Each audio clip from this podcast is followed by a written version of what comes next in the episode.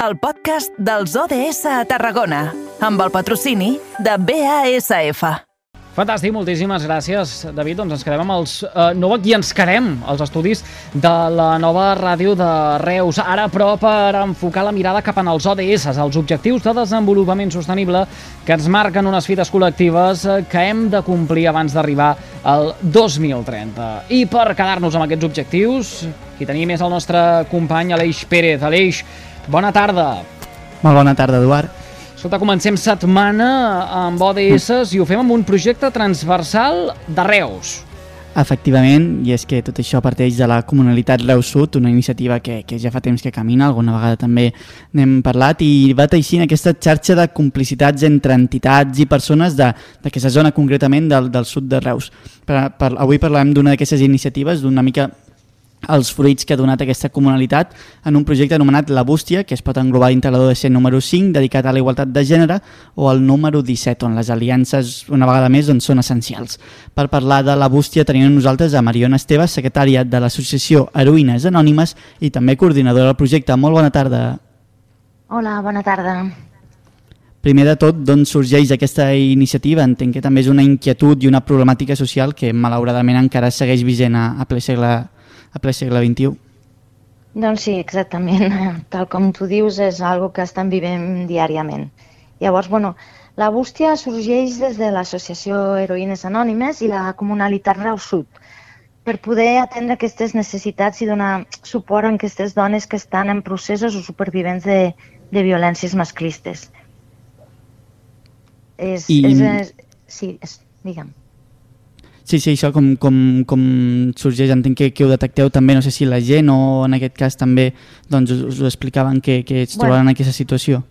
Sí, nosaltres des de l'associació Heroïnes Anònimes, que és una associació feminista, on fem un acompanyament comunitari feminista integral a les dones, fem, tenim un projecte que es diu Veïnes per Veïnes, on realitzem acompanyaments a dones supervivents de violències masclistes.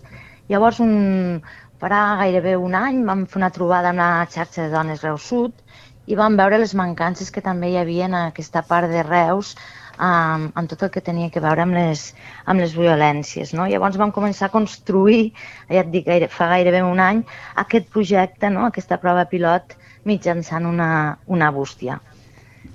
I, i quins bústia, eren els elements... Sí. sí. Sí, sí, endavant, endavant. Bueno, t'explico una mica. Eh, això, van començar a construir això fa gairebé un any amb les dones de Reus Sud i la cooperativa Icària i bueno, hem, hem col·locat unes vuit bústies a la zona sud, que es comporten des del carrilet més o menys fins al final de l'avinguda de Salou. Com ho, com ho hem fet això? Doncs com, com vam saber on col·locar, a col·locar aquestes bústies, les necessitats que hi havia? Doncs primer vam fer com un mapeig per veure quins eren els carrers. Ho vam fer amb dones voluntàries d'aquesta xarxa Reus Sud i vam veure per quins carrers eren més de pas on les dones els hi fos més fàcil poder, mm, poder fer ús d'aquesta bústia, no? d'aquest punt d'informació, que al final el que és, és que és un punt d'informació i de suport per a aquestes dones. Una vegada vam fer aquest mapeig i vam veure les necessitats que hi havien, Llavors vam parlar amb els diferents comerços i els diferents serveis per a veure si ens deixaven col·locar aquestes bústies. La veritat és que l'acollida va, ser, va ser molt bona i fa només uns 10 dies que ja les hem col·locat. Per tant, llavors també estem parlant de que s'intenta arribar a, a, a dones en aquest cas que, que, que malauradament no, no, no podrien d'una altra manera, no?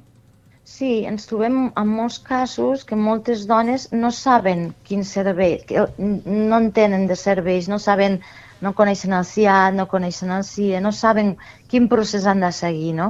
I és una mica facilitar-los aquesta ajuda i aquest suport, no? On han d'anar, o sigui, fer aquest fil conductor cap als serveis derivadors, no? ja sigui el CIAT, com comentava, la Guàrdia Urbana, els Mossos d'Esquadra per posar denúncia, perquè moltes d'elles estan en aquest moment perdudes que no saben ben bé quin és el pas que tenen que donar. I aquí és on nosaltres els hi faríem aquest suport, no? aquesta ajuda, aquest fil conductor fins al servei. Per tant, és molt més enllà de potser dipositar un missatge o, sí. o un element que, que, que, que ja es creguin doncs, a, la, a la bústia, sinó també un acompanyament de, després, no? Sí, sí, perquè el que els hi passa molt és que es senten molt soles, no? Llavors, nosaltres el que fem és això, és aquest buit que els hi queda, que sentin que no estan soles, que nosaltres estem allà per ajudar-les. Llavors, quan recollim la butlleta, depèn de la necessitat que veiem d'aquesta dona, doncs la derivarem cap a un lloc, cap a un altre, però sempre li farem un seguiment. Aquest seguiment serà emocional, aquest seguiment serà pel que ell calgui, ja sigui per, per fer les tasques del dia a dia, pel que ella li convengui. Nosaltres sempre estarem allà perquè no se sentin soles. Ara, quin pot ser un d'aquests processos? O no sé si hi ha algun exemple o hi ha algun cas que, que una mica, doncs, a partir d'aquí pugueu explicar com, una mica com, com actueu en aquest cas. Sí, doncs, per exemple, a vegades ens arriben dones doncs, que per circumstàncies les, estan acollides ara a Reus, però han d'escolaritzar els nens, els infants, i no saben fer aquest tràmit. O per qüestió d'idioma, també mal? o per qüestió de cultura, a vegades no saben com fer els tràmits. Llavors, per exemple, des d'Heroïnes Anònimes el que fem és ajudar-les amb aquests tràmits. A vegades l'únic que volen és passejar i parlar i desfogar-se. Doncs les acompanyem. Les acompanyem des del nostre equip de, de voluntàries, que són unes 30 voluntàries, i des d'aquestes voluntàries on engeguem els diferents processos. Ja et dic, ja sigui escolaritzar els nens, ja sigui acompanyar-les al CIE també, perquè no, no ho facin soles, ja sigui acompanyar-les a posar la denúncia, perquè també se senten molt soles i això ens hi hem trobat, ja sigui a fer tràmits burocràtics, el que sigui. Ja sigui a, a, després la part emocional, continuar amb ells, fer seguiment i fer-los partíceps d'activitats que fem, saps? Que quedin cobertes en tots sentits. Per tant, destaca sobretot aquest, aquest, aquest element que a vegades doncs, potser Disculpa, que dona una sensació... Tu... Sí, ara. No de, ens, la, la, la solitud destacaves especialment, també crec que, que emocionalment també fa de, accentua no? les situacions que, que estan patint, si a més les pateixen Espera, soles. Que... Disculpa que t'he perdut. Ja. No, no, comentava això de, de, de la solitud, de si, de, si, sí. de si al final també les accentua les situacions que, que poden estar passant. Clar, el que els hi passa és això, que moltes vegades no s'atreveixen a fer el pas per la soledat que després els hi ve o per tot el que els hi pot suposar, no? Tenen una relació potser tòxica amb l'agressor i, i, i no saben com sortir-se'n i no saben com sortir-se'n perquè es, es, es pensen que el que els espera fora és la soledat aquesta que t'explico. I aquí és on intervenim nosaltres. La soledat la tenen molt, molt, molt atrevessada, les coses que les atravessa més, el sentir-se soles, el que, el, el que ningú les pugui acompanyar en aquest procés, que és molt dur, és molt dolorós i costa molt i, i al final també això, la, la xarxa aquesta, la, el problema aquest que expliques, la solució de, de, de, de fer l'acompanyament. No sé si també inclús acaben doncs, afegint-se en, aquest, en aquest conjunt de, de voluntàries en algun cas, també algunes dones que, que, han, ah, que han format part o han patit. Sí, exacte, és com una xarxa. Moltes dones que han patit violències i que ara ja estan a, en el moment de la resiliència, que ho viuen des de la resiliència, ara estan acompanyant altres dones. A vegades sembla que això no pugui ser mai possible, però nosaltres els expliquem sí. molt que són moments de vida, que aquests moments de vida poden canviar. I aquest canvi moltes vegades el veiem quan, a, quan nosaltres fem la formació a voluntaris que ja et dic que han passat per aquest procés i ara les estan acompanyant. Des de la seva vivència saben molt bé el que, el que han de fer. Llavors aquests acompanyaments integrals fan molt, molt de bé a la dona. De mitjana, què dura cada un d'aquests acompanyaments que s'estigui fent? És a dir, uh, uh, uh, quin, quin seria doncs, el període en què hi hauria aquest uh, acompanyament per part de la persona que ho sol·licita? El període de temps que pot durar, vols dir, l'acompanyament? Sí. Depèn, el, per exemple... El, el, el període que, que, que, que, que dura o, o el que de mitjana duren, eh, els que s'estan fent.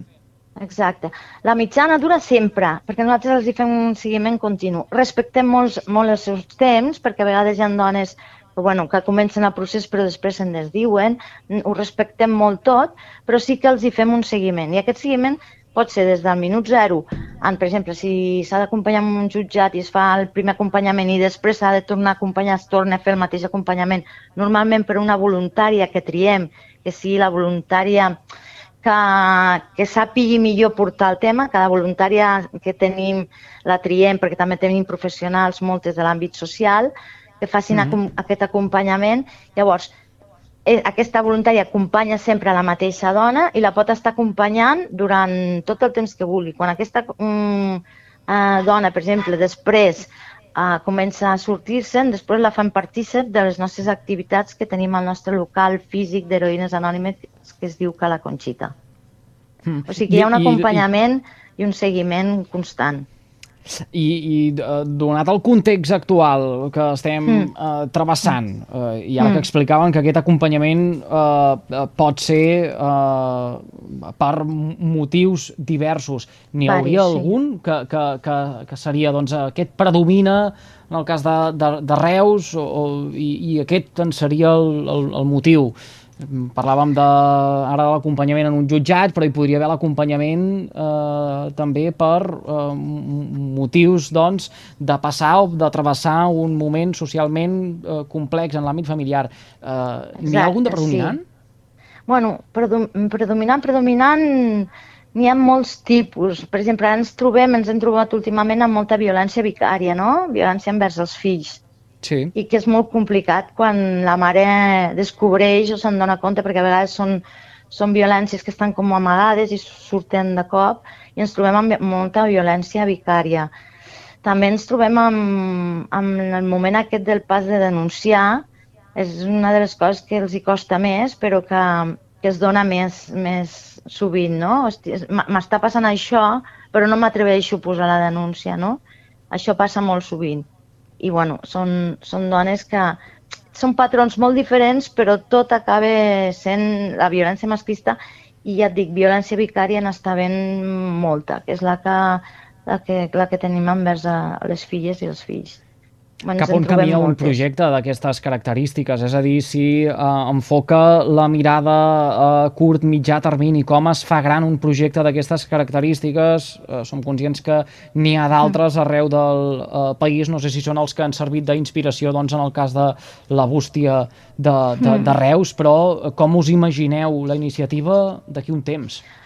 Bueno, nosaltres ten, fa molts anys que lluitem ja per, per erradicar les violències masclistes. Nosaltres a l'associació Heroïnes Anònimes del seu projecte que et deia Veïnes per Veïnes d'acompanyaments ja ve de l'associació Elia Dones de Barcelona, on porten més de 15 anys realitzant aquests acompanyaments. Elles es van voler expandir cap al Camp de Tarragona i aquí és on nosaltres vam agafar el projecte com a Heroïnes Anònimes. Per tant, el bagatge que tenim és uh, de fa un parell o tres d'anys. Fa, hem, fet un, hem realitzat més de 50 acompanyaments. Vull dir que el bagatge que tenim és aquest. El que esperem és poder seguir-les acompanyant molt de temps i que les institucions i que el circuit de violències ens puguin ajudar, que ja ho fan, i puguem entre totes i tots uh, erradicar-les el més aviat Mariona possible. Esteve. O...